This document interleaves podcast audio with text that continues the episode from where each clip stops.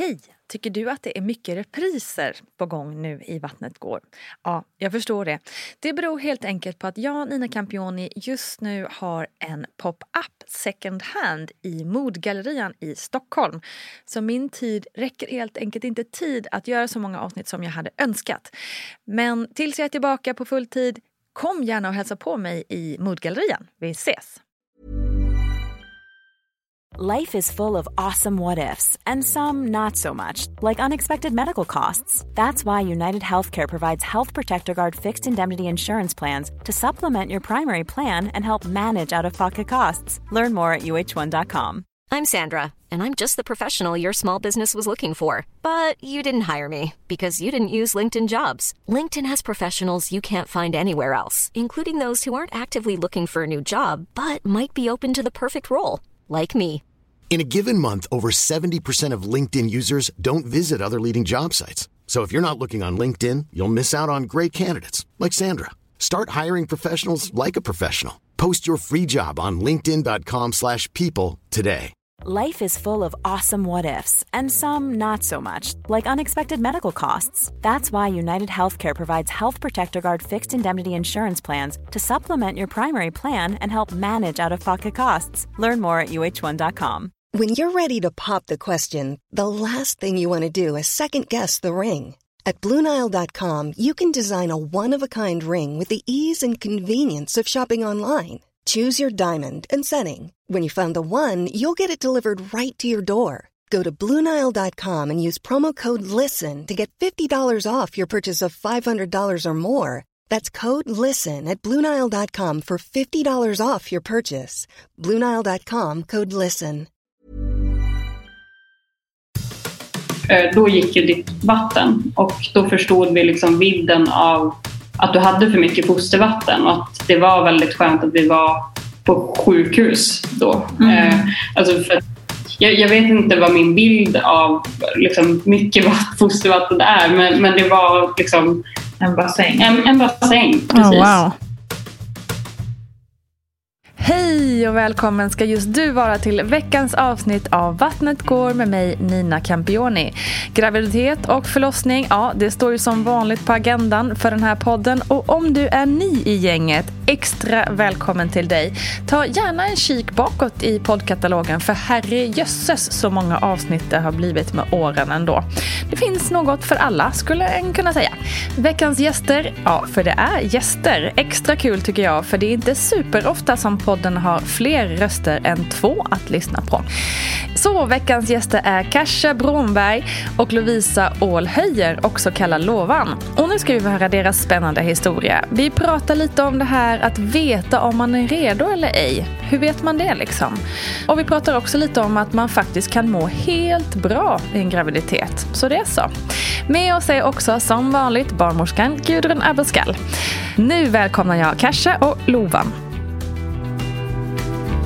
Hur gick dina tankar på att bli mamma, kanske? Ja, eh, nej men jag var inte helt... Eh, det var absolut liksom inte självklart för mig att jag skulle bli förälder. Jag hade en, eh, en ganska lång relation där det liksom kom in i bilden ganska sent. Så, så när jag började närma sig sådär, ja men, att liksom på något sätt tillhöra det där gänget som är så runt 30, mellan 35 och 40 ändå som är de här, ja men vänta man kanske ändå eh, ska fundera på det här. Och självklart så, så ville jag också liksom ta ett aktivt, fatta ett aktivt beslut. Eh, och i den här tidigare relationen då så eh, bestämde vi oss för att börja eh, försöka och ställde oss i kön. Du stod i kön väldigt länge. Eh, Får jag fråga, var, den här kö, var det i Sverige eller var det i, eh, sådär, liksom i Danmark? Nej, nej, det var i Sverige. Det Sverige. var precis när det liksom hade det var precis när det hade blivit möjligt man säga, Mm. att eh, hålla sig i kö. Så då var det ganska mycket, eh, ganska många som stod i den. Såklart. Den blev lång snabbt. Eh, för att det fanns så många samkönade par helt enkelt i Sverige som Mm. ville ha barn. Och jag har ju många vänner i en äldre generation som, där det var liksom självklart alla åkte till Danmark. Ja, just det. Så. Ja.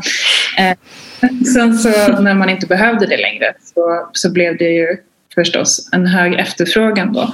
Men i den här tidigare relationen så bestämde vi oss ändå för att vi ville ha barn. Även om jag eh, var kanske den personen i relationen som kände att men det är inte, för mig är inte det en sån där absolut självklarhet.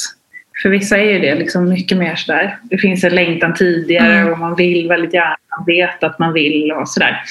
Eh, jag var mer osäker och tänkte väl att jo men kanske det verkar någonting, som någonting som är spännande i livet men jag är inte alls säker på att, att, eh, att det faktiskt kommer hända så. Och sen så tog den här eh, långa relationen slut och då tänkte jag att ja, men nu är jag ju 36 och eller 35 var jag då och tänkte att ja, men om det är så att jag kommer bestämma mig för senare att jag vill ha barn så är det ändå bra att ställa mig i kön på nytt. Just det. Så att jag åtminstone kan få frågan. Liksom. Och så kan jag säga nej då. Mm. Men eh, så kan jag liksom köpa mig tid helt enkelt. Och fundera på det här ett varv till. Och eftersom jag inte längre var i en relation så vill jag också i så fall fundera över vad det skulle innebära att eh, ha barn själv. Mm. Eh, vilket ytterligare ett svårt beslut. Om man inte är säker på att en vill ha barn alls så är ju det ytterligare någonting som... Ja, då, då, då måste man ju fundera på om jag då är osäker på nu i första hand om jag ska ha barn alls och sen bestämma dessutom om jag ska eh, också fixa och göra det på egen hand. Verkligen. Eh, så, så då ställde jag mig i kön på nytt efter den, att den relationen tagit slut och tänkte att ja, men nu får jag väl eh, fundera på det här helt enkelt. Mm. Och någonstans där jag började, eh, eller var mitt uppe i kan man säga, det här funderandet så träffade jag Lovan. Mm, mm. Då hade ju inte du ställt dig än i ensamkön. Uh, och du hade ju väldigt tydligt med dig både din egen erfarenhet och dina vänners. Jag är ju då tio år yngre än Kasha och mm. uh, har inte lika mycket hbtq-vänner som har den här erfarenheten av att väldigt aktivt vara tvungen att fatta beslut om att ja, jag vill ha. Mm. Så. Uh, jag var ju ändå väldigt såhär, ja, nej, men jag vill väl ha barn. Men man kanske man, man vill plugga klart och man ja. ska liksom ha jobbat ja, men den här vanliga liksom, Stockholmskalkylen om, säga, om man får kalla det så. Du tänker att du var ju ändå på ett mycket tydligare sätt ändå liksom säker på att du ville ha barn. Ja, jag, jag tänkte komma dit. Att, att, eh, det var ju lite spännande då att Kasha var så här, ja men du är ju jättebarnkär och har du tänkt dig på att ställa dig i kön? Och då var jag så här, just det, eh, förstod först då att så här, det här bygger ju på att jag liksom fattar det här aktiva mm. beslutet. Mm. Jag vill ju verkligen ha barn. Mm. Det är mycket starkare för mig. Så. Mm. Ja, så du var ju lite speciellt eh, och ju verkligen en win för mig kan man väl säga. Att träffa en person som var så mycket yngre än mig och som dessutom var så peppad ja, just det. På, på barn. Precis, det kanske Samtidigt drog med jag... dig på den, på den där lite osäkra till att komma över? Eh, eller? Ja. Jag fick ju nästan tygla mig själv att det var så men jag förstod att du måste hitta till det här beslutet själv mm. och jag kan inte ligga på eh, för mycket. Samtidigt som vi hade ju precis typ träffats. Så det är lite så här speciellt med alla de här parametrarna. Att, ja, men då var vi jätteförälskade och du vill ha barn och jag funderar på att ha barn.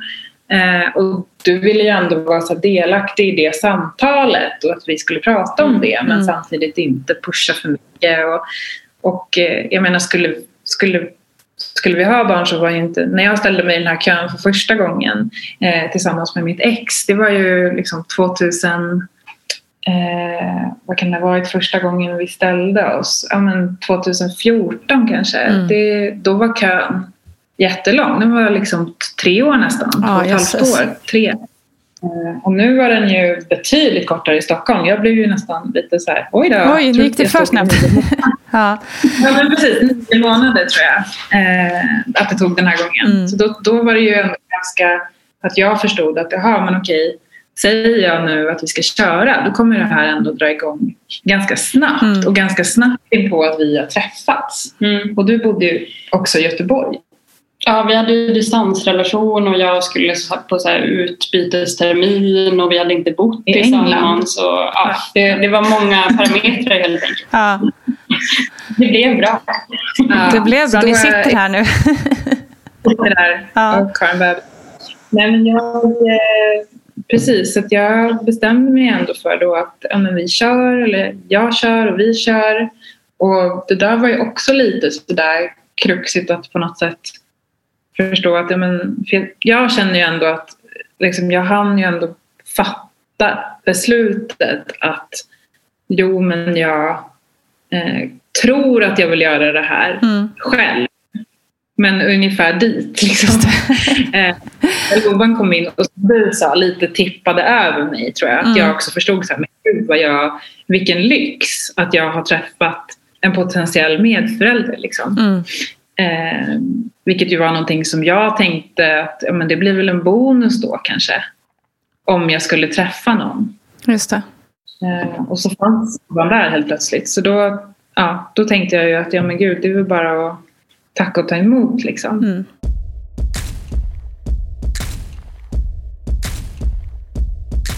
Men i er relation, nu förstår jag, du hade ju redan ställt dig i kön så i det här läget var det ju liksom du som då skulle bära på barnet så att säga. Men hur, hur har de tankarna däremellan, skulle liksom, tänker du att du också vill, skulle vilja bära på ett barn, eh, Lovan? Men jag har inte känt den liksom, eh, fysiska längtan så starkt att jag, jätte, att jag måste föda ett barn. Så. Eh, sen så, jag har flera syskon som är så familjehemsplacerade så det har varit väldigt tydligt i min familj att så här, eh, blodsbanden inte är så viktiga. Så.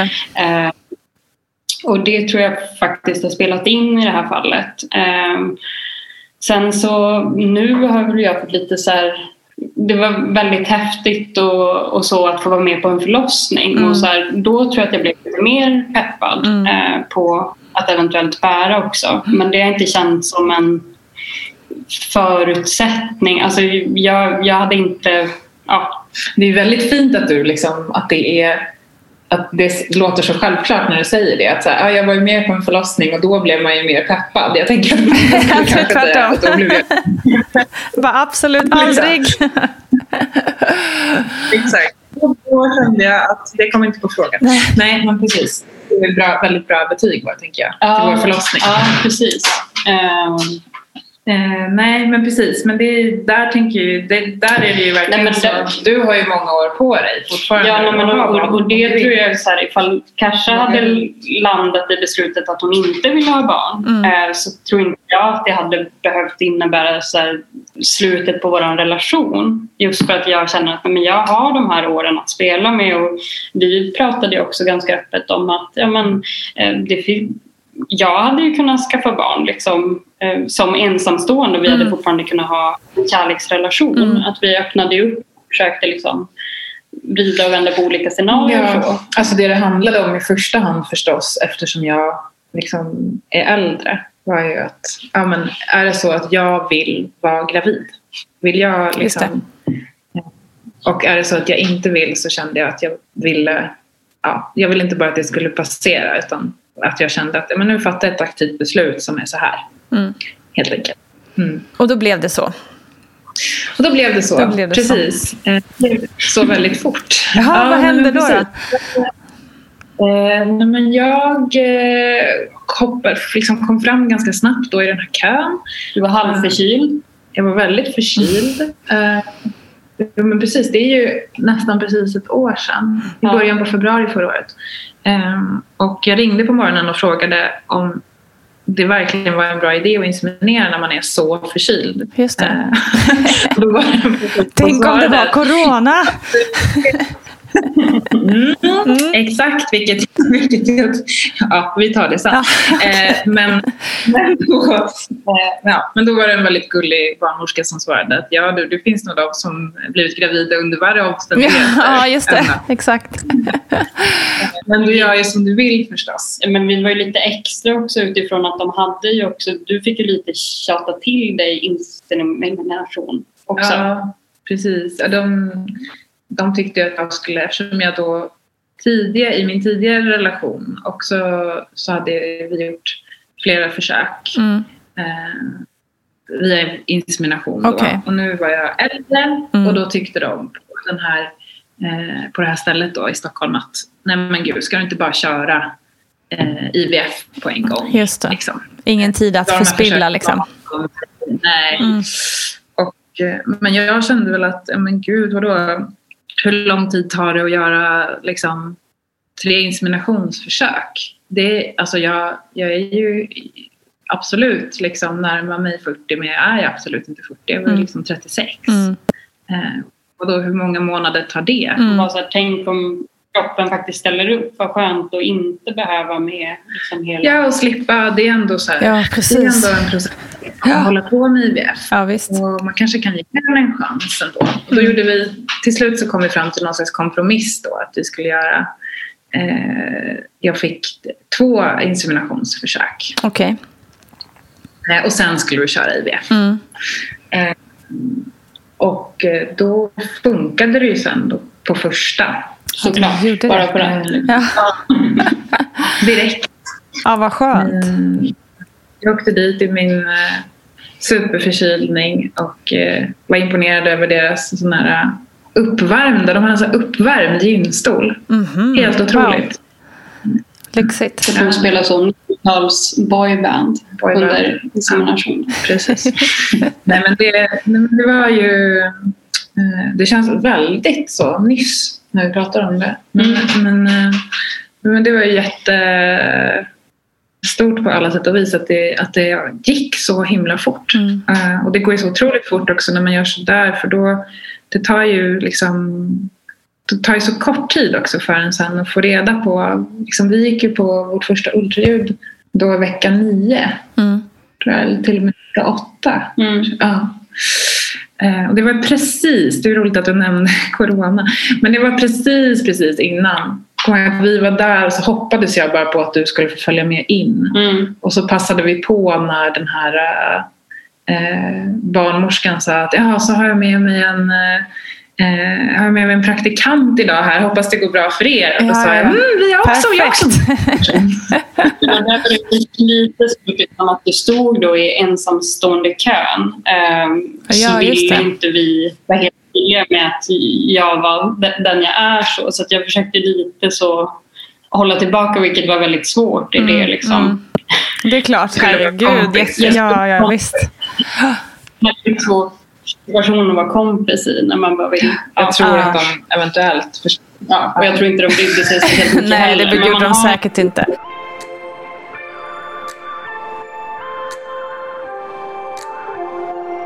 Men hur var känslan, om vi backar tillbaka, liksom, hur var känslan när ni förstod att du faktiskt var gravid?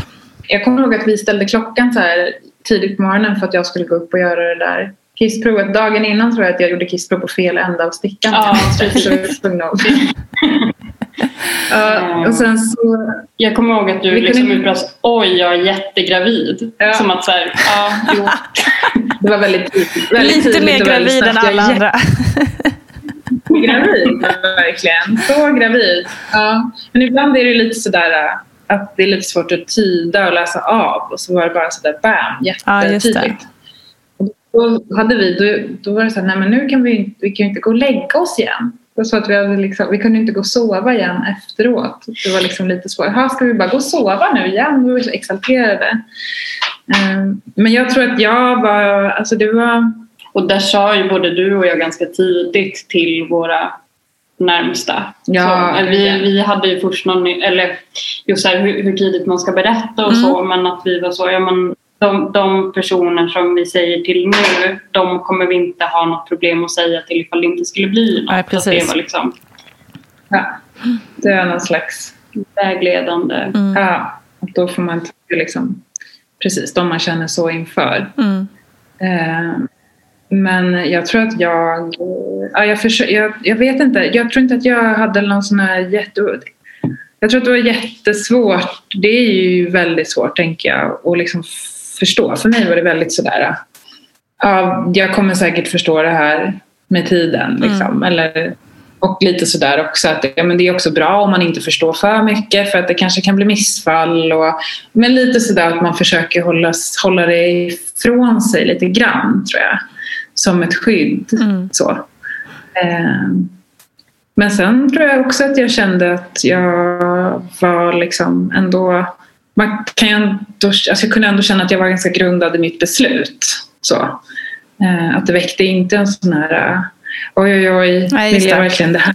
Utan Just att det var väldigt sådär, ja just det, Nej, men det här det var ju hit vi skulle. Mm. Eller det, det är det här som ska hända. Så, så det, det var skönt. Och jag tyckte också från det att liksom jag var med på det här ultraljudet så kändes det också så här, nu är det vi som är i det här tillsammans. Ja. Så det, och sen växte det successivt och att det var, var skönt att det liksom också fick ta tid. Vi Mm. var och är fortfarande så här relativt nya Ja. och, och lär känna varandra eh, par- parallellt med allt det här. Nej men precis. Ja, för det var precis det jag skulle fråga. Hur du kände liksom när du alltså, loven där när, att just att det var Kasha som var gravid och du liksom ja, precis att du, du kände ändå den connection att det var ni som var föräldrarna liksom. Ja, jo, men det, det kände jag väldigt eh, starkt där också. Att det kändes som att så här, du ville ha med mig på det här. Alltså så. Nu, nu gör vi det här ihop. Liksom. Mm. Det var väldigt fint att vi fick gå på det första själva. Och sen Ja. fick vi inte gå på något. Nej. Ja, just det. Så det, var- det var väldigt bra. Usch så Men jag tror tråkigt. det var ganska viktigt liksom, Ja. mentalt för oss Ja. särskilt. Det är väl viktigt för alla, men Ja. också liksom att, att förstå och sådär. Men Jag tycker att det är lite knepigt det där med att det liksom känns ändå som att det finns en så stark bild eller förväntan om den här jättestarka upplevelsen. Att liksom man hör de första liksom hjärtljuden och det tror jag att du tog in länge tror jag kände så under, under graviditeten och kanske hela till och med. Att det var lättare för dig att liksom ta in och bli berörd. Alltså det sa Ja, vi ju ju ofta, att väl- du var ju väldigt emotionell Ja, upp och ner och hit och dit. Och jag var ju inte så, så mycket så på samma sätt. Nej, precis. Jag var ju väldigt mycket liksom, grät till diverse länsförsäkringar, reklamer och, Ja. Det var, rekord, det var rekordet, länsförsäkringsreklamen. bara jo, Jag fullständigt. kände att nu har de verkligen lyckats med sin reklam. Gick det fram. Wow. Men, men, men sen var det ju också att hela din graviditet var ju väldigt mycket en väntan på att du skulle börja må sämre. För att man hela tiden... Du, du hade ju en ganska fysiskt liksom, lyxig graviditet. Så, så att det var väldigt mycket så här, men nu måste vi krama ur så länge du får må så här bra. Den Ja, här det. veckan måste vi passa på. Så vi, vi levde sånt. Passa på hela tiden. Ja. Härligt. Nej, men jag tyckte nej, men alltså någonting som var verkligen så där tydligt tycker jag för mig var ju att det, det kändes ibland som att det verkligen fanns en förväntan om att man skulle må dåligt. Mm. Att det, det är liksom alla så mycket, hur mår du? Ja, Hur det. Är det tungt nu? Och, åh. Har du inte haft foglossning och har du inte varit trött och du är väl ändå trött? Och så var det hela tiden så jag bara, nej men jag är inte det. Nej. Jag är inte trött. Ja, men du är väl ändå, du, mår du illa? Mår du, men illa mår du väl? Nej, jag mår inte illa. Det var hela tiden de här... äh, Så vid en punkt kom jag ihåg att jag till och med så här, kände lite så här, nej men gud nu får jag... Nu blir det någon sån här konstig verklighet att jag, jag liksom googlade, försökte få statistik på liksom, hur många personer som är gravida mår dåligt. Alltså, Ja, är det så att liksom 95 procent av alla som är gravida, förutom då det här kanske i början illamåendet, Mm, mm. men liksom har verkligen så eh, mår verkligen dåligt eller har verkligen eh, liksom hamnar i ett tillstånd som förvärras av just graviditeten. Inte att de Ja, liksom är precis. sjuka annars, utan verkligen inte mår bra av sina graviditeter. Hur ser den statistiken ut? Ja. För att jag kände att så här, det här är inte en sjukdom. Nej. Jag är gravid, det är inte en sjukdom liksom, men att det nästan ibland nästan bemöttes så. Förväntades vara så. Ja, just det. Ja, kanske här upplevde ju att det var lite tjatigt nästan att många hela tiden frågade henne om det var tungt eller om det gjorde ont och hur jobbigt är det nu i vecka 35 och så vidare under hennes graviditet och menar på att graviditet är ju faktiskt inte en sjukdom. Vad säger du Gudrun? Ja, det är spännande tycker jag att kanske uppleva det på det här viset. Därför att jag tycker att att det kanske är så att man idag är mer inriktad på det där, ja, att det är besvärligt och det är tungt och att, att folk lägger sig utifrån det perspektivet istället för att se möjligheterna i att nu ska vi, vi vänta barn och nu det här är, ja, att man är glad för att plocka fram den här positiva sidan jag vet inte om det var för andra också människors omgivning ibland tar sig rättigheten att komma med sina kommentarer mm. som jag inte tror att man skulle göra gentemot personer i andra situationer i livet. Att det blir så självklart att man blir någon, nästan som en allmän egendom. Liksom, just mm. att, att ställa såna här frågor. Jag vet mm. inte. Men jag kan förstå, jag kan själv också tycka att det är tråkigt att det är det, det som man frågar och kommenterar och inte det här positiva. Just det. För att det är faktiskt, för 70 procent så är det helt normalt. Liksom. Så här är det. Exakt. Ja, Intressant. och så kände jag ibland också att men gud, då vågar man ju knappt säga att man mår bra. Liksom, för då Nej, är det provocerande då liksom, att man mår för bra? Ja, typ? det är liksom nu liksom, när vi har ett barn som, som sover jättemycket på natten. Att det, får man ju, liksom, det, det blir Nej, också det, sådär. Det, är också säga. det, det blir det inte får bra. man inte säga. sitter det någon småbarnsförälder här inne nu? Ja.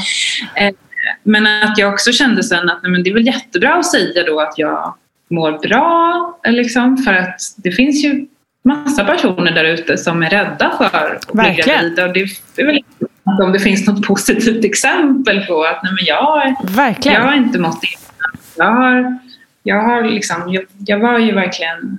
Nej, men du, det var ju också, det blev ju till liksom eh, Ja, men som så här, hur länge du cyklade. Till slut var det som att jag, jag tror ändå inte att jag är speciellt så eh, överbeskyddande. Men att jag var så, nej men nu får du inte cykla längre för att liksom magen, det, det ser för, det ser bara för löjligt Alltså det var inte helt säkerhetsmässigt för att jag kände mig så pass trygg ändå i hur du så balanserade din kropp. Men att du mer balanserade situationen. ja. Men ja, nej, jag hade liksom inga, jag, jag hade liksom inte så mycket, vad ska man säga, symptom av min graviditet. Äh. Förutom att jag har den här enorma magen förstås. Eh, men utöver det så kände jag mig ju... Och sen också att den löp, löpte parallellt med corona så gjorde ju att alla de här eh, liksom normala, du springer ju på ganska mycket evenemang och sådär. Mm. Allt sånt var ju inställt. Alltså det, det, hade man ju kunnat göra i alla fall men det kändes som att så här, det, vi gjorde allt som normalt egentligen. Jag kände ju aldrig att jag var, liksom, var tvungen att hoppa in, hoppa, liksom, ställa in eller hoppa Nej, över någonting. Nej. För, på grund av mitt tillstånd. Liksom. Mm. Eh, så. Att det var ju liksom, tog lång tid innan jag kände att jag eh, liksom, att det tog emot verkligen sådär. Ja, skönt. Jag fick, det var väl också hormoner och så förstås. Men, men att jag hade mycket energi och var väldigt liksom glad och man får väl liksom också energi från, från det på massa olika sätt. Så att, nej men det var ju det var en jättebra graviditet. Mm. Eh, Härligt att höra. Att, ja, jag tror att om man har haft en bra graviditet då upplever man inte heller att den är jättelång. Alltså, jag tänker att det är en stor skillnad i hur man upplever tiden. Mm. Att jag, jag har vänner som mått väldigt dåligt under sina graviditeter. Då förstår jag ju verkligen att det blir en sån här evighetsväntan. Exakt. Jag kände mycket så här, herregud, redan, tack och lov att det är nio månader. Liksom, mm. För att annars skulle jag inte ha tid att ta in det här. Mm. Alltså, den tiden behövs ju. Ja, verkligen.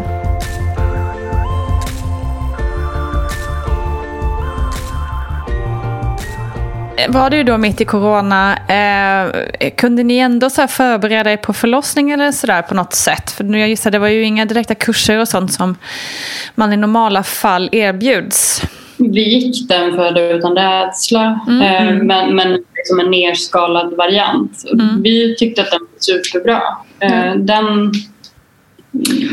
liksom, han fyllde ju precis sitt syfte att vi gick från att vara lite rädda till att bara känna oss nästan peppade inför förlossning och så här, mm. tänk att vi ska få göra det här ihop och liksom så. Uh, Ja, jag, alltså jag tror att jag lyssnade på, som jag sa förut, på många eh, avsnitt av den här då förlossningspodden. Mm.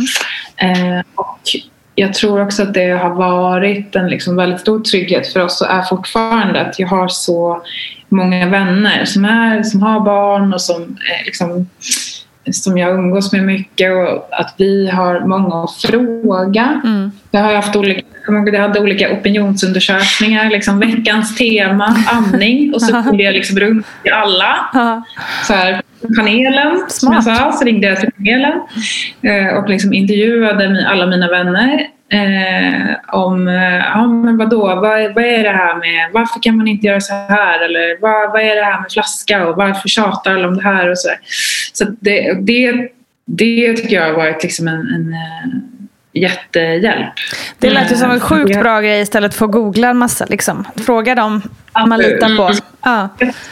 Ja, och att det betyder ju också att man får väldigt olika svar. Så är det och det är fortfarande ju utifrån att de känner dig och oss. Så, eh, och att det, ja, men som, som du säger, det är ju väldigt stor väldigt olika såklart förlossningserfarenheter men nu också när man är mer inne i föräldraskapet extremt olika föräldraskap. Eh, Så det är supervärdefullt. Så efter ett tag så förstår man också lite så här vem man ska ringa om man vill bli bekräftad. Just det. Ja. Men, eh, men precis, så det, det har varit en jättefin grej. Det var ju mycket så, eh, tror jag, i mitt förprocessande inför både förlossning och föräldraskap. Att, eh, att liksom försöka ta reda på allt möjligt. Sen, sen så kommer det till en viss punkt när man inte orkar liksom mata sig mer med kunskap. Men jag är, skulle ju absolut säga att jag är en person som ändå vill liksom preppa och ta reda på information snarare än sådär det får bli som det blir. Liksom. Det. Och, men jag tror att som Lovan sa, att den här profylax eller födelsebarnrädsla-kursen som vi gick, den var ju väldigt betydelsefull för oss. Alltså absolut, vi gick den, den var väldigt hands-on. Sen så tror jag att både du och jag vi liksom gillar att läsa och nörda ner oss och lyssna på saker och så. Men, men sen när det kommer till ja, men de här olika övningarna och liksom vad man faktiskt har med sig till förlossningssituationen så var det så här, ja nej, men okej man skulle komma ihåg fyra ord och jag kom bara ihåg ett. Men det gick jättebra liksom, och det var väldigt skönt för att vi det var ju typ det vi pratade mest om inför förlossningen, vilket är totalt omöjligt. Men att så här, hur gör vi för att inte ha så mycket fantasier och fasta föreställningar? För att det insåg att så här, man vet inte hur ett förlossningsförlopp kommer se ut såklart. Precis. Eh, Och där känns det som att trots att det var liksom det vi nästan hade pratat mest om eh, så utifrån att Kasha blev igångsatt. Så det var ju inte alls det vi hade räknat med Nej, just det. På, på ett positivt sätt. Eh, För att det vi var mest oroliga för inför förlossningen var det här hur tajmar man och får in eh, rätt Ja. vilar man med att bli hempickad och liksom, jag som inte har körkort, hur tar vi oss dit Ja. rent liksom, fysiskt? Och då försvann det momentet, så det var jätte- jätteskönt. Men jag tror inte, om vi kommer till bara det här som du frågade om corona. Mm. Jag tror inte att... Eh, alltså jag, jag, jag tror inte att jag har... Det kanske handlar om att vi just haft de här liksom mycket eh, vänner och personer omkring oss som vi liksom känt oss hållna av och, och pratat mycket med. Men jag tror inte jag, jag, jag har liksom aldrig haft någon, jag hade ingen idé innan heller om att det ska finnas någon slags föräldragrupp. Det var någonting som liksom barnmorskan mumlade lite om att Mm. ja, nu blir det föräldragrupper för att... bla, bla, bla, Just det. Och så, Mm. Eh, jag har nog inte riktigt, inte nu heller tror jag, det här med öppna förskolan. Så, eh, jag, har, jag har liksom inte, eh, jag har inte, har inte känt att vi har förlorat någonting, tror jag inte. För det, det fanns aldrig någon idé om det riktigt Nej. innan. Känner du samma sak där Lovan som liksom den andra föräldern eh, nu när, när du inte fick vara med? Du fick fick vara med på första ultraljudet som tur var. Men alla andra undersökningar och så vidare. Alltså, vi har varit väldigt tacksamma för att vi har vänner då som har skaffat barn i andra delar av landet eh, där partners såklart inte heller har fått följa med eh, på ultraljud och så. Men vi känner att vi ändå har fått väldigt bra bemötande av barnmorskor och så att de har försökt inkludera mig trots Mm. att du då också har stått som ensamstående så har det varit väldigt tydligt från liksom lite senare ultraljud att de ändå ja, men vänder sig och pratar till mig också men via då liksom Skype eller. Facetime. Ja, vi, hade ju, vi har ju mycket vänner både i Göteborg och Malmö. Och där med, till exempel i Göteborg så hade vi två vänner som, ja men där förbjöd de liksom partnern att vara med på länk. De fick inte Jaha. vara med digitalt heller. Oj, okej. Och då kände vi att men, wow, du får ju vara med på Facetime här varenda Mm. gång. Liksom. Mm, Det var ju topp. Och sen är det väl någon sorts lyx i att inte ha gjort det här tidigare heller. Alltså så att, ja, man, det är klart att det hade varit jättehäftigt att få vara med på, på alla ultraljud så, men samtidigt så har det varit så att ja, nej, men nu får vi liksom baka efter läge lite. Ja. Så, så att, det ändå känns okej okay, så. Mm. Eh, och jag tyckte att det har varit väldigt fint att de har inkluderat mig hela tiden. Trots att du har liksom stått som ensamstående. Mm. Eh. Precis, rent juridiskt så liksom varje gång så, så liksom om man tittar i min journal eller liksom så, utifrån så, jag ju, har jag ju varit liksom ensamstående hela tiden. Mm. Och får man det, fråga då ja. lite, alltså just när, när du säger just juridiskt då, liksom vad i slutändan har du några rättigheter egentligen nu då, Lovan? Alltså när ni har fått barnet? Och... Nej, just precis nu så befinner jag mig liksom i ett eh, juridiskt ingenmansland och har ju ingen juridisk rätt till det här barnet. Nej. Eh, så. Och det kände jag ju ganska mycket stress kring. Mm. Eh, alltså, trots att jag kände mig väldigt trygg i liksom vår relation och sådär. Mm. Så jag blev väldigt förvånad hur det påverkade så första eh, hembesöket till exempel efter förlossning. Jag brukar inte vara så orolig av mig utav liksom den yttre blicken. Så. Alltså om nej, någon kommer hem nej. i mitt hem och är städat och jag liksom inte har rätt kläder eller sådär.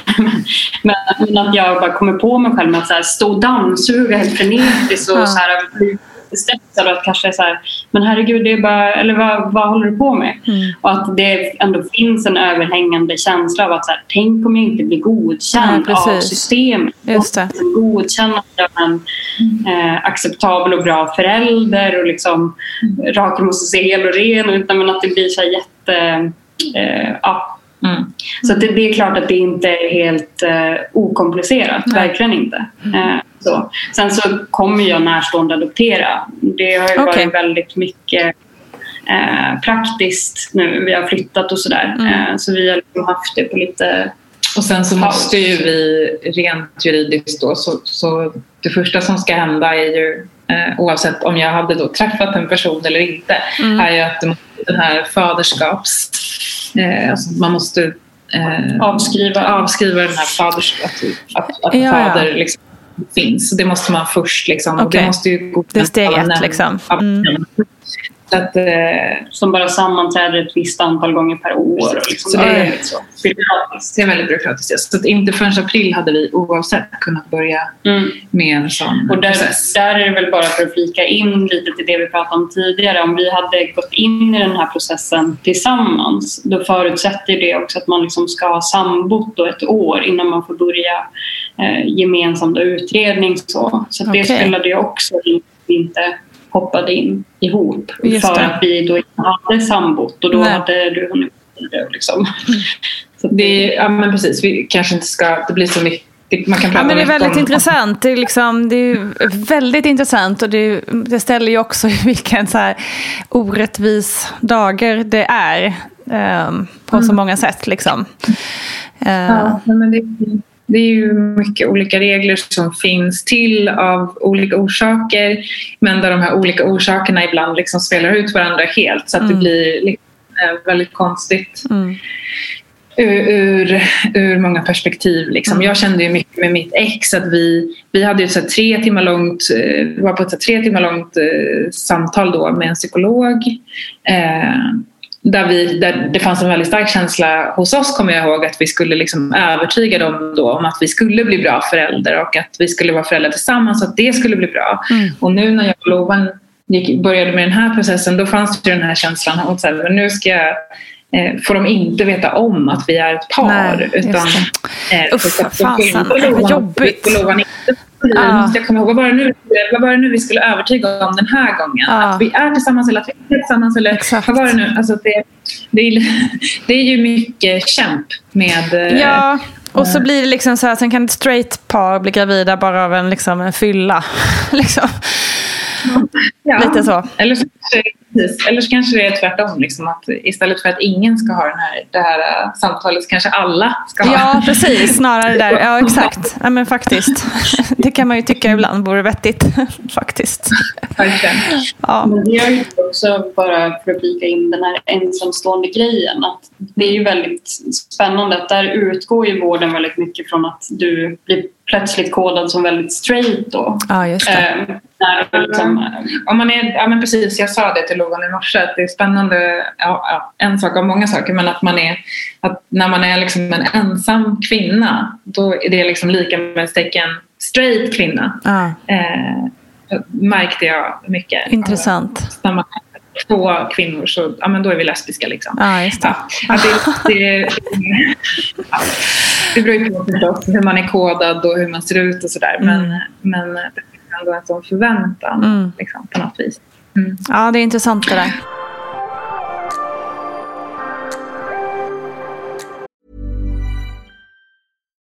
Here's a cool fact a crocodile can't stick out its tongue.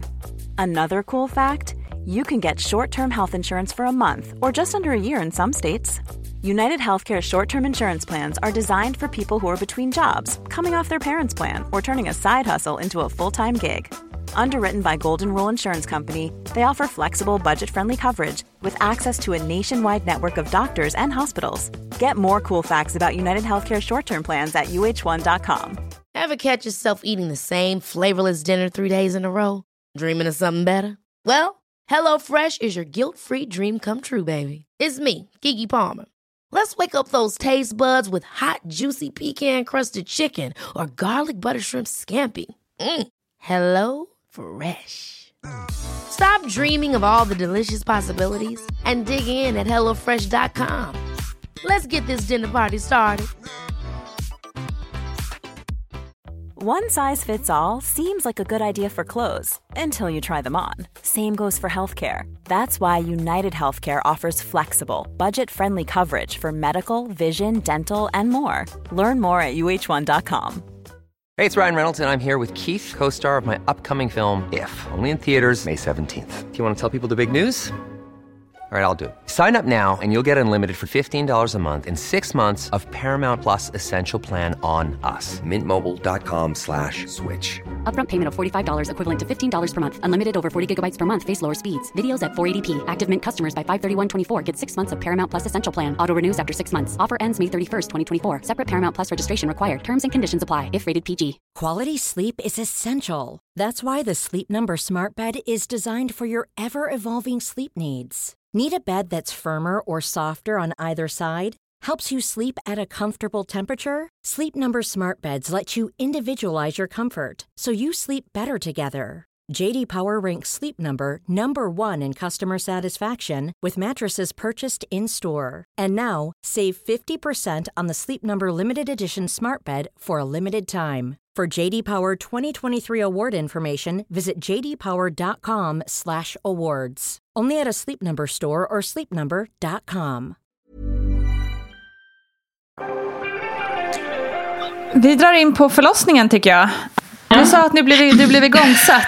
Bra, gör det. Nej, men jag gick en vecka över tid. Mm. Eh, och jag var på den här en vecka över tid Snacket. rutinkontrollen. Ja. Yes, där jag gick dit och tänkte herregud vad jag är stor och sen så när jag kom in i det där eh, väntrummet så insåg jag att det finns många här som är väldigt stora.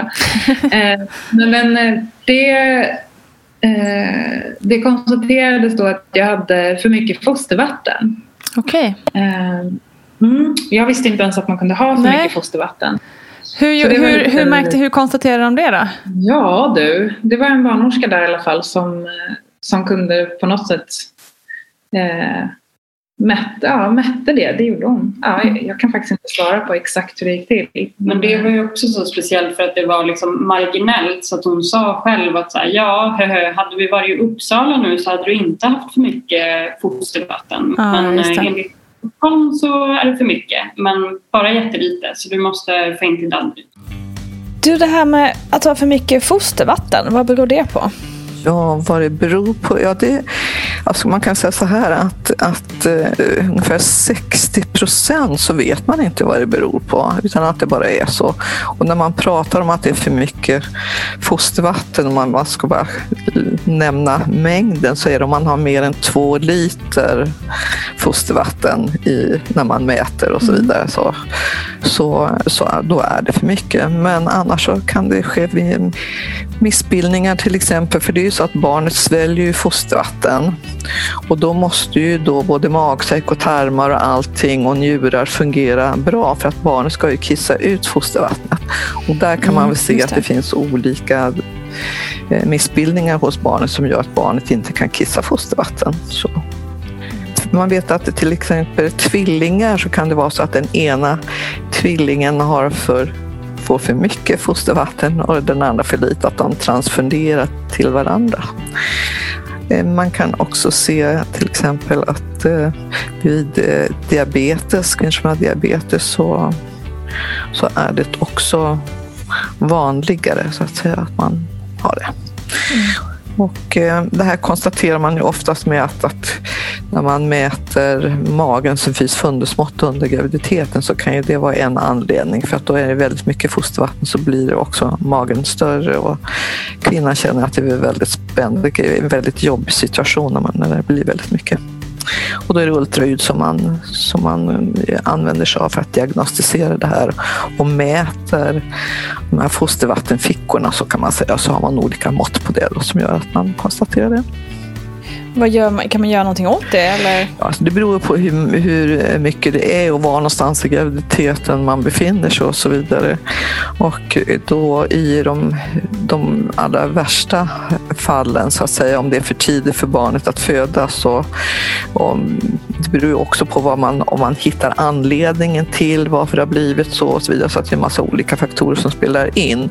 Men det är faktiskt, jag har varit med mm. några gånger om det här att man har satt in som en fin kateter in i livmodern och på det viset tappat ut fostervatten hos kvinnan. Så okay. har man gjort det med jämna mellanrum.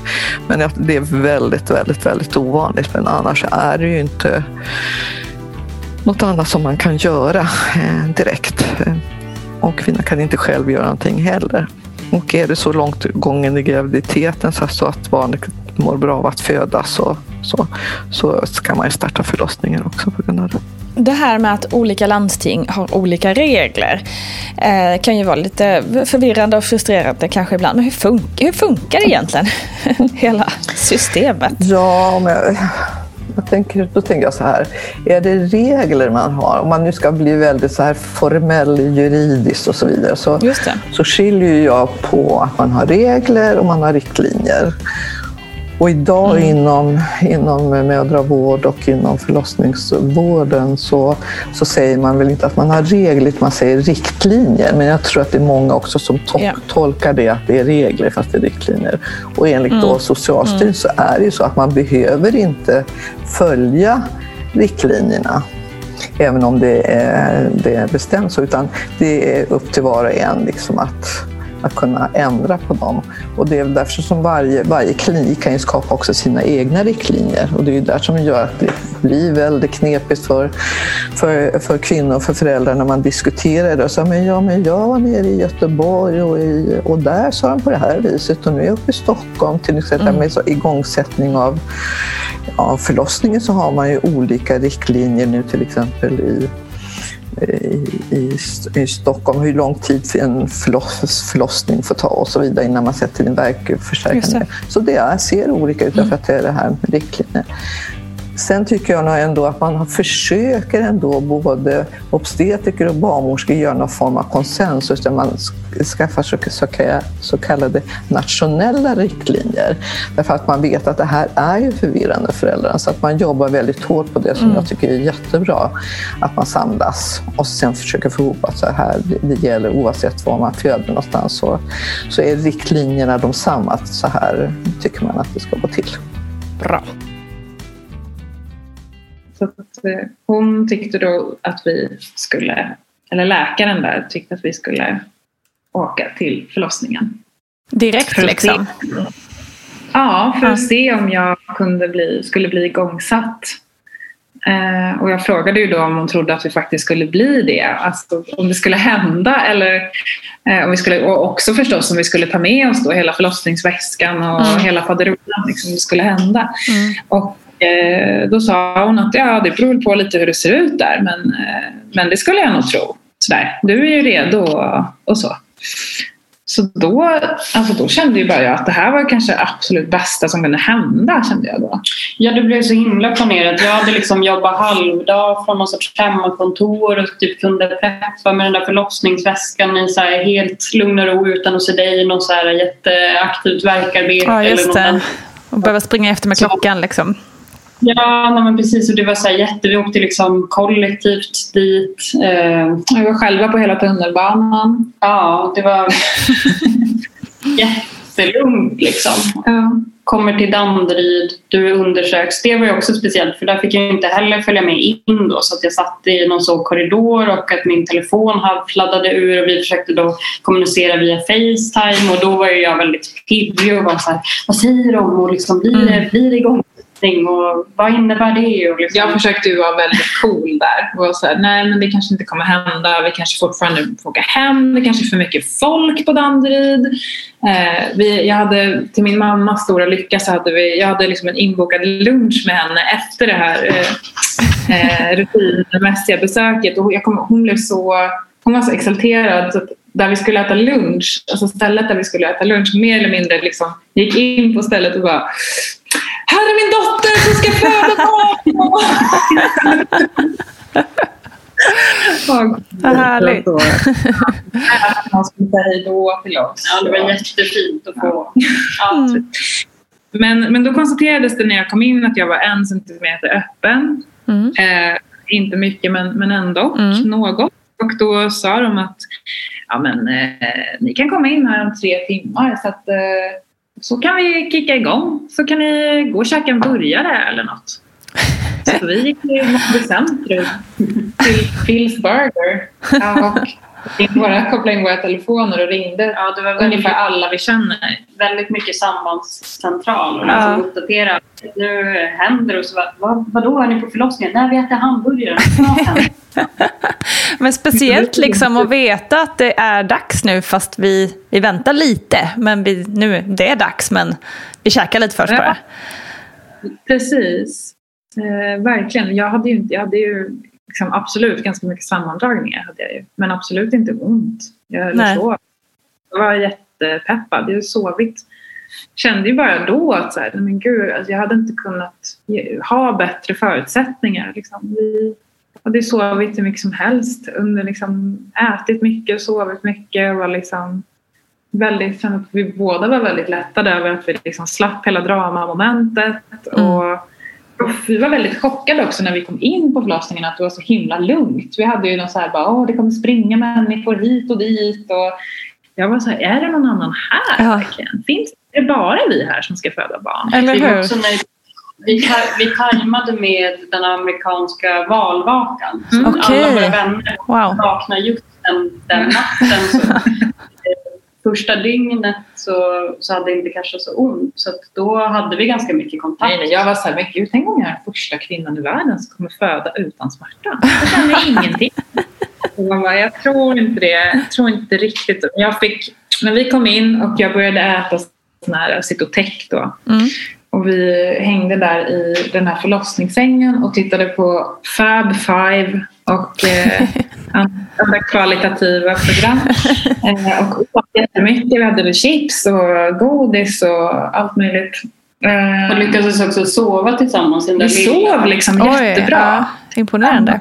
i en säng. Jag tror att barnmorskorna tyckte vi var väldigt gulliga som Mm. liksom insisterade på att vi skulle, jag med en jättestor mage och Lovan skulle sova i förlossningssängen. eh, men jag fortsatte äta en karta Cytotec och det hände liksom verkligen inte mycket.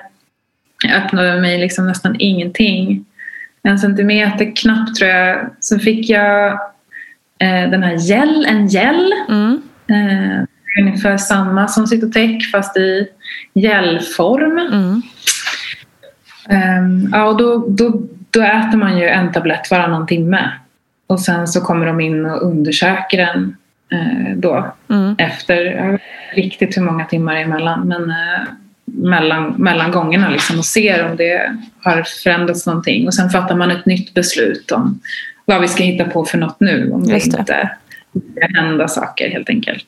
Jag tror inte riktigt att vi var så, alltså, jag tror inte riktigt att vi hade förstått hur lång tid det tar med igångsättningen. Nej, alltså de, de sa ju eh, när vi kom in att så här, det, det tar normalt typ två till tre dygn. Mm. Men vi förstod inte riktigt det. Eh, så. Nej.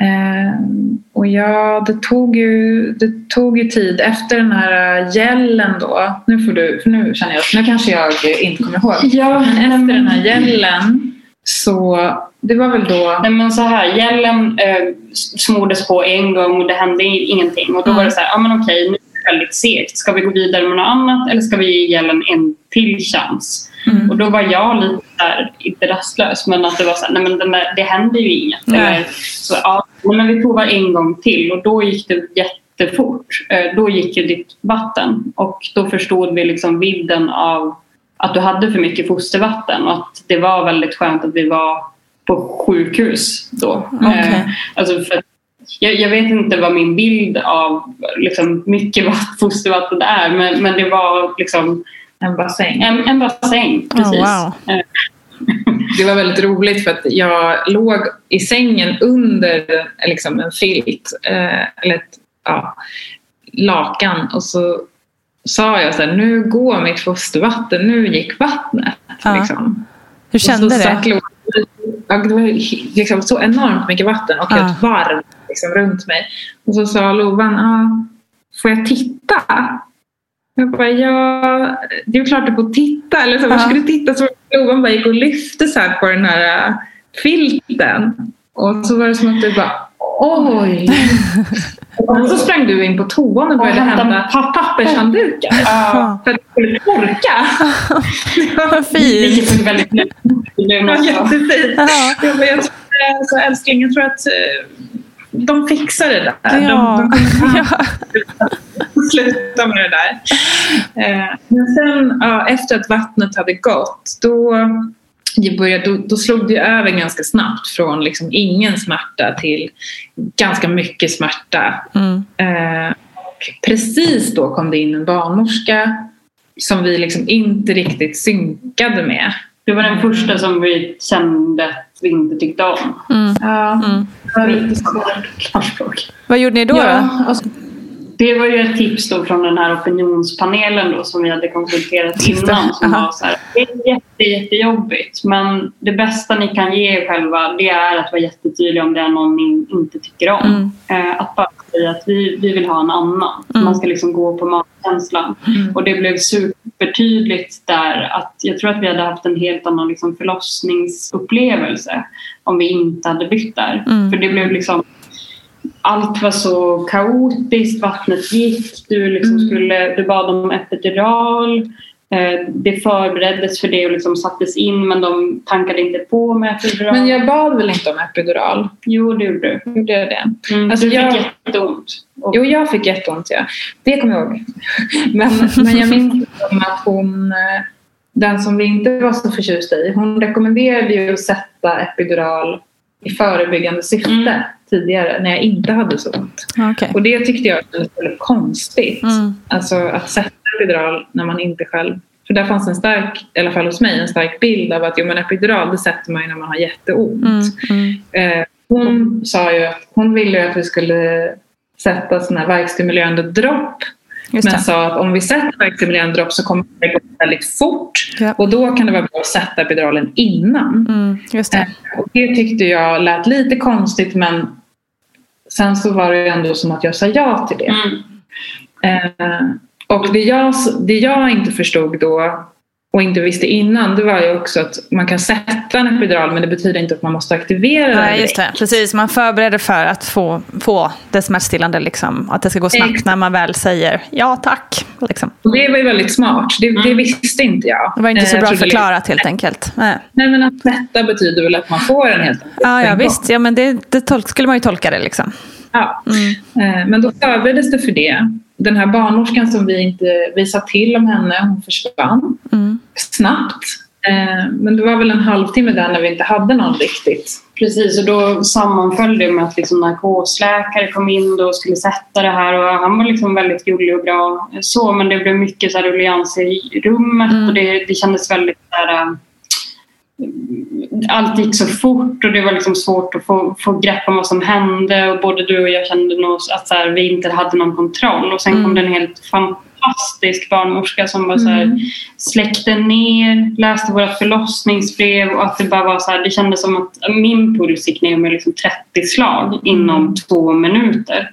Eh, och det kändes som att vi hittade tillbaka till varandra jättesnabbt tack vare henne. Mm. Eh, hon bara pejlade in på liksom vilka vi är och vad vi behövde i den situationen supersnabbt. Ja. Eh, och så var hon ju också, hon sa ju också det då att ja, men nu är det ju så här att vi har ju, du har ju satt en epidural men jag tycker ni verkar ha ett så himla fint samarbete och det kanske skulle vara en bra idé att liksom, om du inte har allt för ont just nu att hitta till, en, till den här liksom amningstekniken så att mm. du känner att du kan det. Mm. Och jag tror att ni fixar det här. Liksom. var väldigt så riktad till oss båda. Att så här, Gud vad ni jobba bra och liksom, det här kommer ni att fixa och prova den här. Ni har ju gått den här kursen. Hon kunde mm. väl se det i brevet att vi hade gått den. Och... Men väldigt tydligt så. backade och liksom gav oss båda utrymme och, och peppade men höll sig liksom tydligt i bakgrunden och då tog ju du verkar liksom så. Ja, och så tog vi verkar tillsammans och skulle jag säga. Och ja, det var ju så, jag tycker det var så häftigt att Eh, att, bara, att, att, att det fungerar, att det är mm. möjligt, att man mm. kan. Också tänker jag inför smärta i livet generellt. Det handlar inte bara om förlossningssmärta utan att det är möjligt att faktiskt jag menar jag snarkade ju ja, mellan nej, det, var, det var helt ja. liksom vakna bollen och sen bara mitt hjärta, nej men nu är verken borta för nu känner jag liksom att nu börjar jag kanske snarka igen. Det var så Så häftigt. Ja, men det är ju underbart att, man, eh, att kroppen kan fungera så. Otroligt.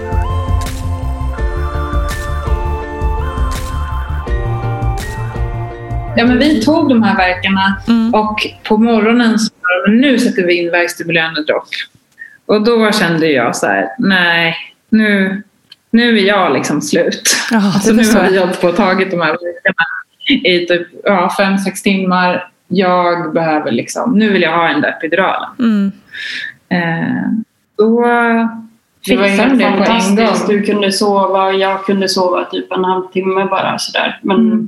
men tanka ny energi och att det var så här um, ja, men att de körde inte i full dos epidural utan liksom mm, halvdos. Och det var ju nytt för mig också. Det visste inte jag innan. Att man liksom kunde fylla på, liksom ta en halv dos eller mm eh, liksom successivt titta på hur, hur det kickar in och, och liksom på något sätt ja, men situationstecken experimentera med, mm.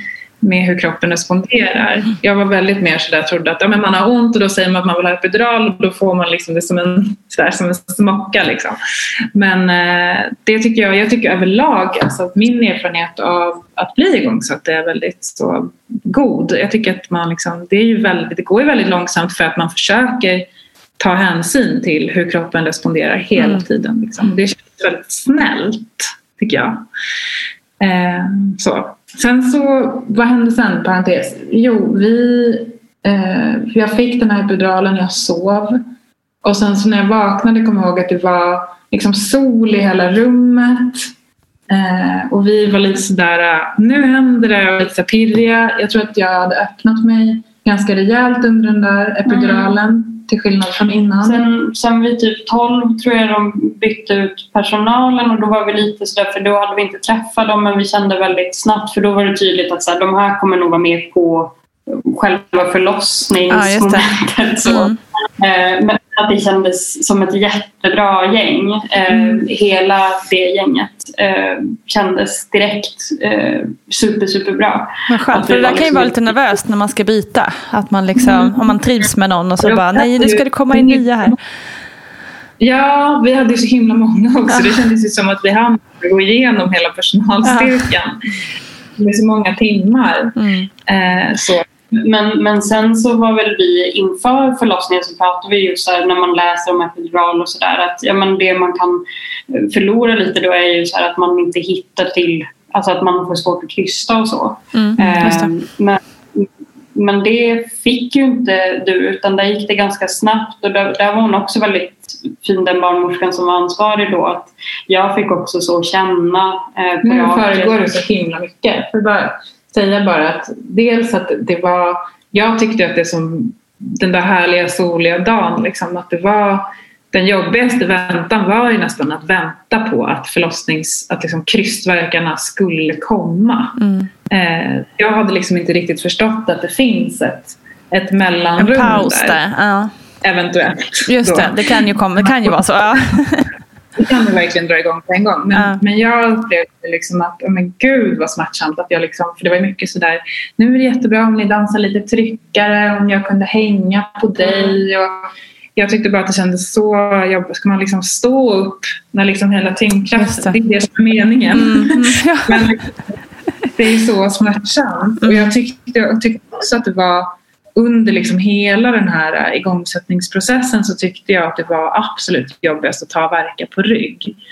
För att de regelbundet hela tiden tittar ju på om man har öppnat sig och då måste, då måste han lägga sig ner. Mm. Och så varje gång jag la mig ner så fick jag ju jättemycket verkar och så var jag tvungen Okej. att liksom vänta ut dem varje gång på rygg. Det tyckte jag var absolut jobbigast faktiskt. Mm. Eh, Och Jag fastnade där hela tiden. Liksom.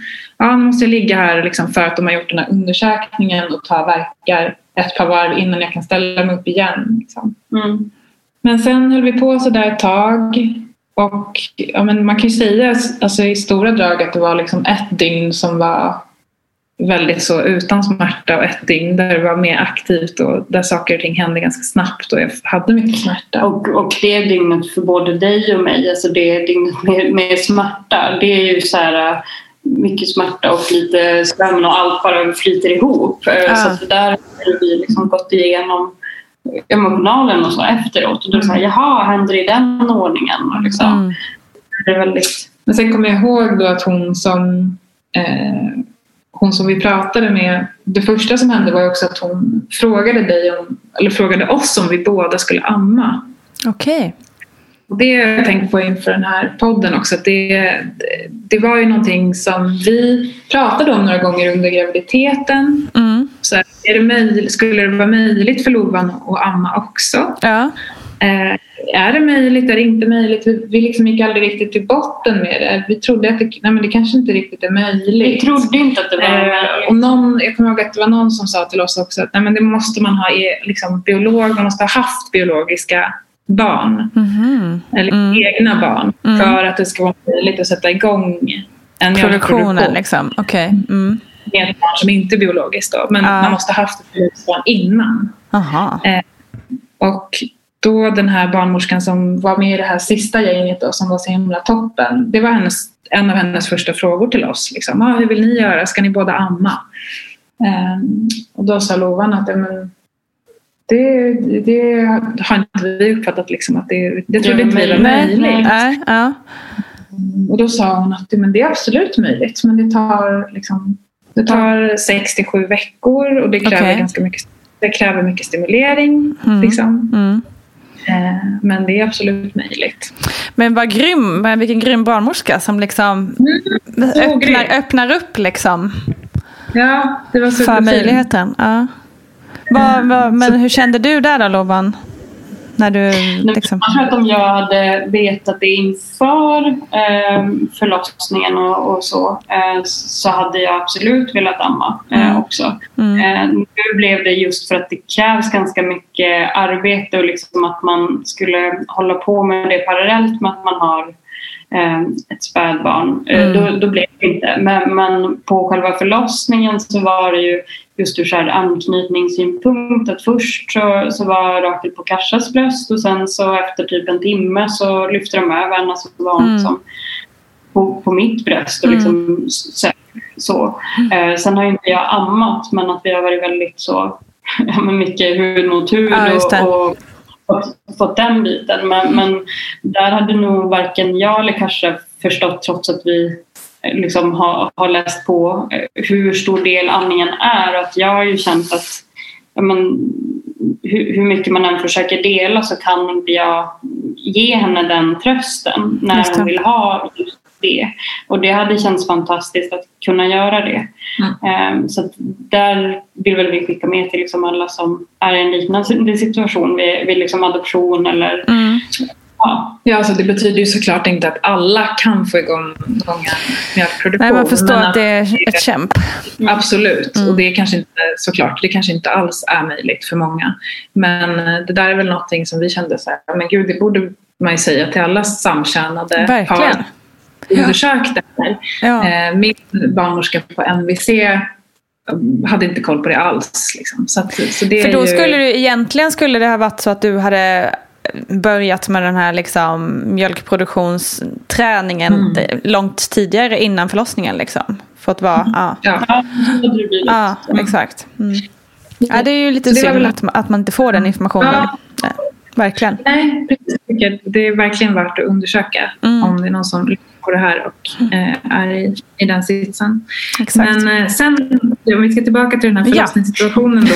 Eh, så det som hände sen, i, nu är det verkligen så, den, den, den sista, eh, var ju att eh, den här personen då som ja, vad ska man säga, var ansvarig för våran, vårat, våran process där. Hon sa att ja, men kanske vi, vi kör en testkryssning. Vi ser om du kan, kan krysta mm. eh, nu. Eh, och, eh, eller hur mycket liksom, epiduralen är kvar och sådär. Vi, vi testar om det går. Så, du, om du, så föreslog hon att jag skulle lägga mig på sidan eh, och att vi skulle se helt enkelt om det fungerade. Då hade vi varit på, på bollen tidigare och liksom var igång och att hon tyckte att det verkade funka bra och då var det så här, ja men nu kan vi faktiskt testa mm. testa ordentligt. Mm. Så. Och jag tyckte det var väldigt fint där att hon också så här, för nu känner man faktiskt eh, så här, Rakels huvud. Vill du wow. känna Lo? Jag fick liksom ja. känna när hon var där i. Det var mm. väldigt häftigt. Sen gick det ju, den här testkryssningen då gick ju eh, enormt fort. Jag vet inte hur, alltså jag, jag, jag började ju krysta direkt och jag tror att det handlade om kan det ha varit 10-15 minuter det tills var, hon var ute. Ja, och det var så... Jag vet inte, där det var ett bra test.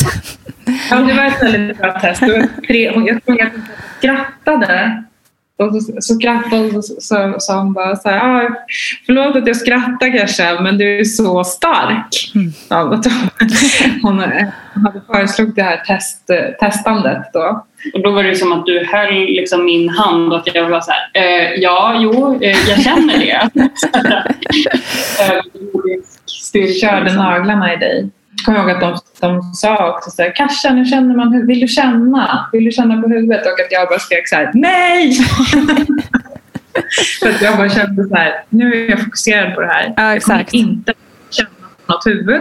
Det, jag ska bara fokusera på att det ska gå ut. Ja, och då gick jag liksom runt och fick se det lite mer ordentligt. Och då såg man att Rakel hade hår och att det liksom låg lite så här vågigt utav allt fosterfett så att det såg ut som någon så typ 20-talsfrilla. Och det, då totalt tappade jag det. Och då var det en fantastisk undersköterska för då kändes det som att jag skulle svimma bara. Ja. Att det var så starkt. Liksom. Av den här 20-talsfrillan? Av 20-talsfrillan.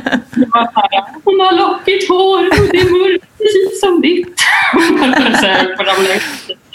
Och då var det som när undersköterskan bara var så, nu är det så lite kvar, nu går det upp.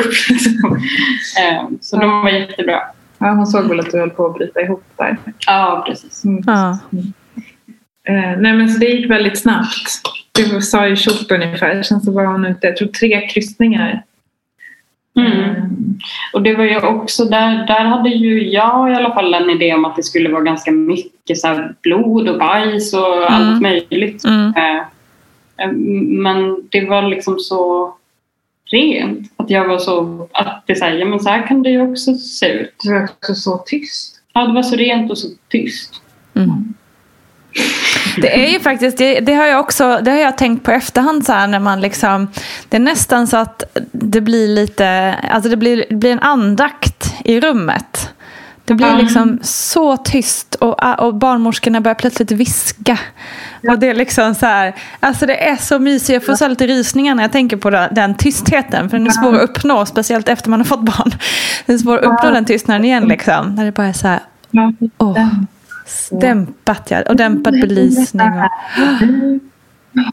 Jättebra. Det är väldigt så. Ja. Jag tror inte att jag har förstått det alls faktiskt. Det var, jag kommer ihåg att vi tittade på den där SVT Barnmorskorna. Eller vad den hette. Mm. Och där var det också någon som födde under sådär total tystnad och då tänkte jag så här, gud vilken jävla kontroll. Mm. Herregud, helt tyst.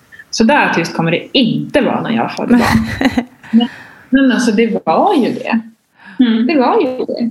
Och det, jag, det hade, var ju, jag, jag, jag fattar inte, jag fortsatte ju med samma amningsteknik när, vi, när jag krystade som innan. Liksom. De, de frågade ifall de fick filma så att de, de gjorde det. Eh, och det är liksom allt man har på de där filmerna. Det är jag som går in i någon sorts här Glenn Hysén roll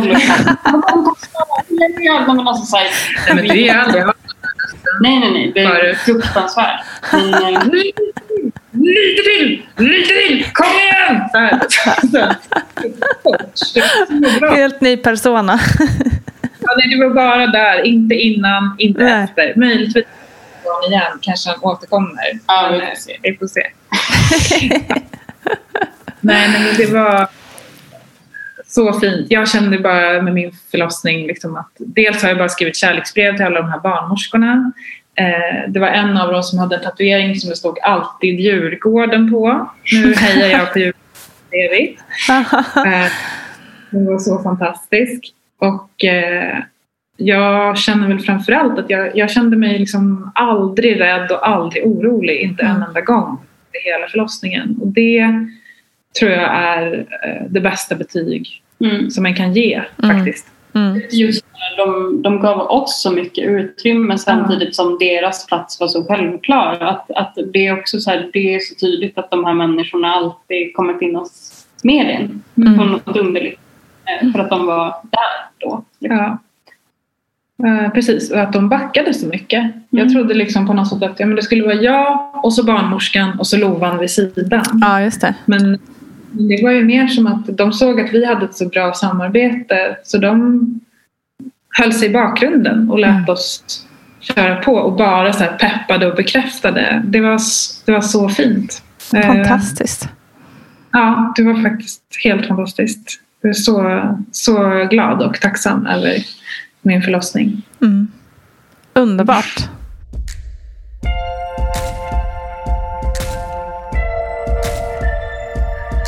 Har ni någonting, ni har, ni har gett massa bra tips och förslag redan här under snacket, men är det någonting annat ni vill skicka med till någon som lyssnar som kanske är i samma sitt som er?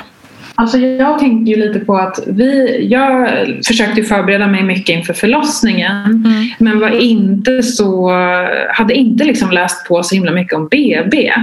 Och eh, ja, vi vi hade lite speciell BB-vistelse eh, också för att restriktionerna ändrades när vi var på BB. Mm. Mitt i. Vi fick liksom inte lämna rummet. Och det var ju lite klaustro, måste mm. jag säga. Mm. Men lag liksom på BB, att, eh, jag förstår att många har liksom väldigt olika upplevelser kring BB och jag tror att vi Första dygnet på BB så älskade vi BB och ville stanna där en vecka. Mm. Och andra dygnet på BB så ville vi komma ifrån så fort som möjligt. Mm. och det var de bästa sakerna och de värsta sakerna på något sätt samtidigt. Mm. Och det kan vara ganska påfrestande. Det just det här att man befinner sig eh, i en ganska sårbar situation. Eller en väldigt sårbar situation. För man har precis varit med om den här förlossningen. Och sen är det ju så att det, ska, det kommer in liksom nya barnmorskor i skift var sjätte timme i stort mm. sett. De har olika åsikter och tankar kring eh, hur du ska amma, hur, hur du beter dig, hur du gör på olika sätt. De är förstås jätteolika. Typ 90 procent av alla var ju liksom helt fantastiska. Mm. Eh, men ibland säger de emot varandra. Mm. Ibland helt olika saker. Ibland, eh, ja men, någon är liksom, har ju väldigt starka åsikter om någonting som en annan inte, inte alls. Alltså de är ju såklart som alla andra av så olika eh, generationer och, olika, och att det, jag tyckte att det kändes ganska jag sa ju lite att det kändes som en reality-serie ibland. Eller ett socialt experiment. Ja. Man var som i en liksom box och så kommer ja. olika personer.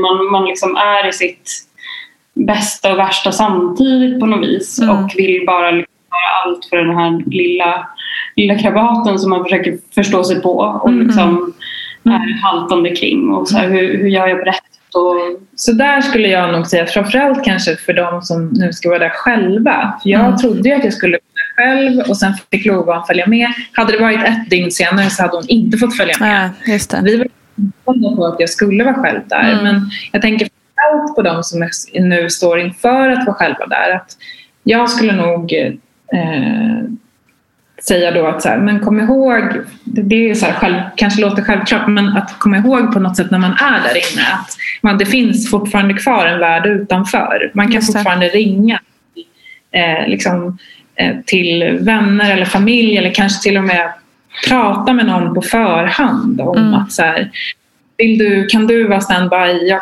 kommer kanske vilja ringa dig. Förbereda lite för att... Ja. Inte tänka att jag kommer vara på den här jättetrygga platsen med de här människorna som kommer liksom bära och ta hand om mig. I bästa fall kommer det ju vara så. Mm. Men det är lätt också att känna sig liksom ifrågasatt och jag tyckte att det var liksom svårt att navigera ibland. Bland de här, man sitter i ett rum och det kommer in olika experter som, ska ty som tycker olika saker mm. om en och svarar olika på frågor. Och det, det tänker jag kan kännas ännu mer utsatt om man är eh, själv. Själv, ja verkligen. Vi tänkte ju också där, vi försökte ju, du och jag satt ju och liksom försökte visualisera våra vänner. Så här, vad, hade hon, vad hade hon sagt? Vad hade hon sagt? Vad hade mm. mamma sagt? För, att man tappar sin egen Ja, just det, sin inre röst ja.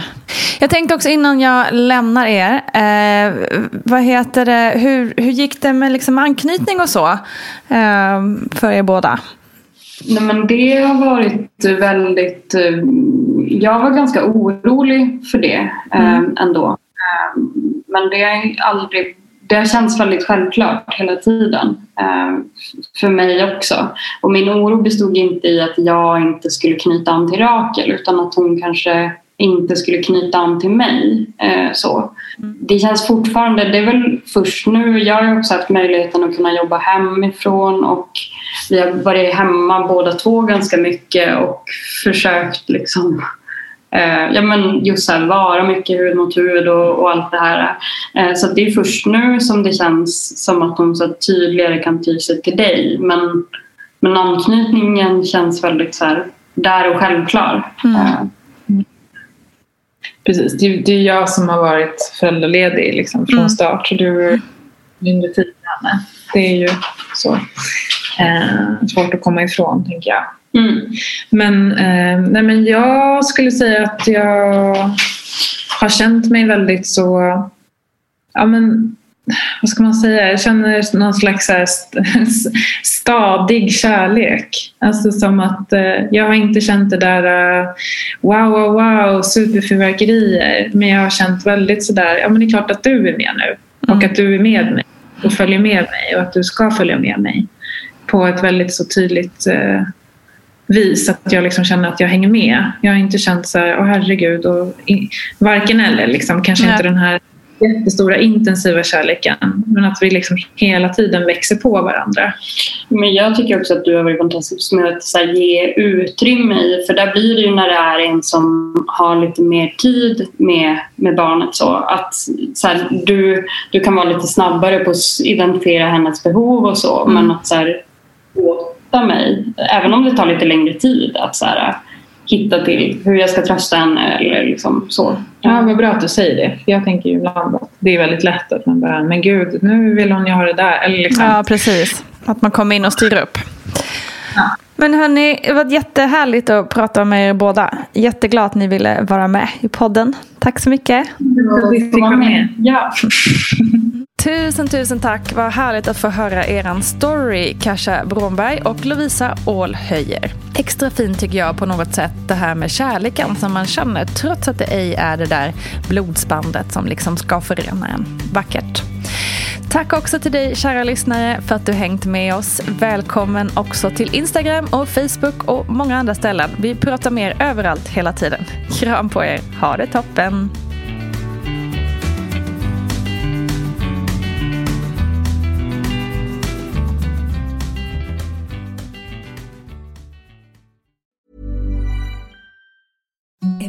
The softest sheets you've ever felt. Now imagine them getting even softer over time. That's what you'll feel with Bowl and Branch's organic cotton sheets. In a recent customer survey, 96% replied that Bowl and Branch sheets get softer with every wash. Start getting your best night's sleep in these sheets that get softer and softer for years to come. Try their sheets with a 30-night guarantee. Plus, get 15% off your first order at bowlandbranch.com. Code BUTTERY. Exclusions apply. See site for details.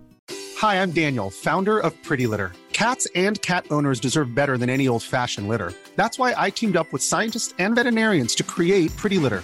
Its innovative crystal formula has superior odor control and weighs up to 80% less than clay litter. Pretty Litter even monitors health by changing colors to help detect early signs of potential illness. It's the world's smartest kitty litter. Go to prettylitter.com and use code ACAST for 20% off your first order and a free cat toy. Terms and conditions apply. See site for details. Imagine the softest sheets you've ever felt. Now imagine them getting even softer over time. That's what you'll feel with Bowl and Branch's organic cotton sheets. In a recent customer survey, 96% replied that Bowl and Branch sheets get softer with every wash. Start getting your best night's sleep in these sheets that get softer and softer for years to come. Try their sheets with a 30-night guarantee. Plus, get 15% off your first order at bowlandbranch.com. Code BUTTERY. Exclusions apply. See site for details. Hi, I'm Daniel, founder of Pretty Litter. Did you know cats tend to hide symptoms of sickness and pain? I learned this the hard way after losing my cat, Gingy. So I created Pretty Litter, a health monitoring litter that helps detect early signs of illness by changing colors, saving you money and potentially your cat's life. Pretty Litter is veterinarian developed, and it's the easiest way to keep tabs on your fur baby's health right at home. Go to prettylitter.com and use code ACAST for 20% off your first order and a free cat toy. Terms and conditions apply. See site for details.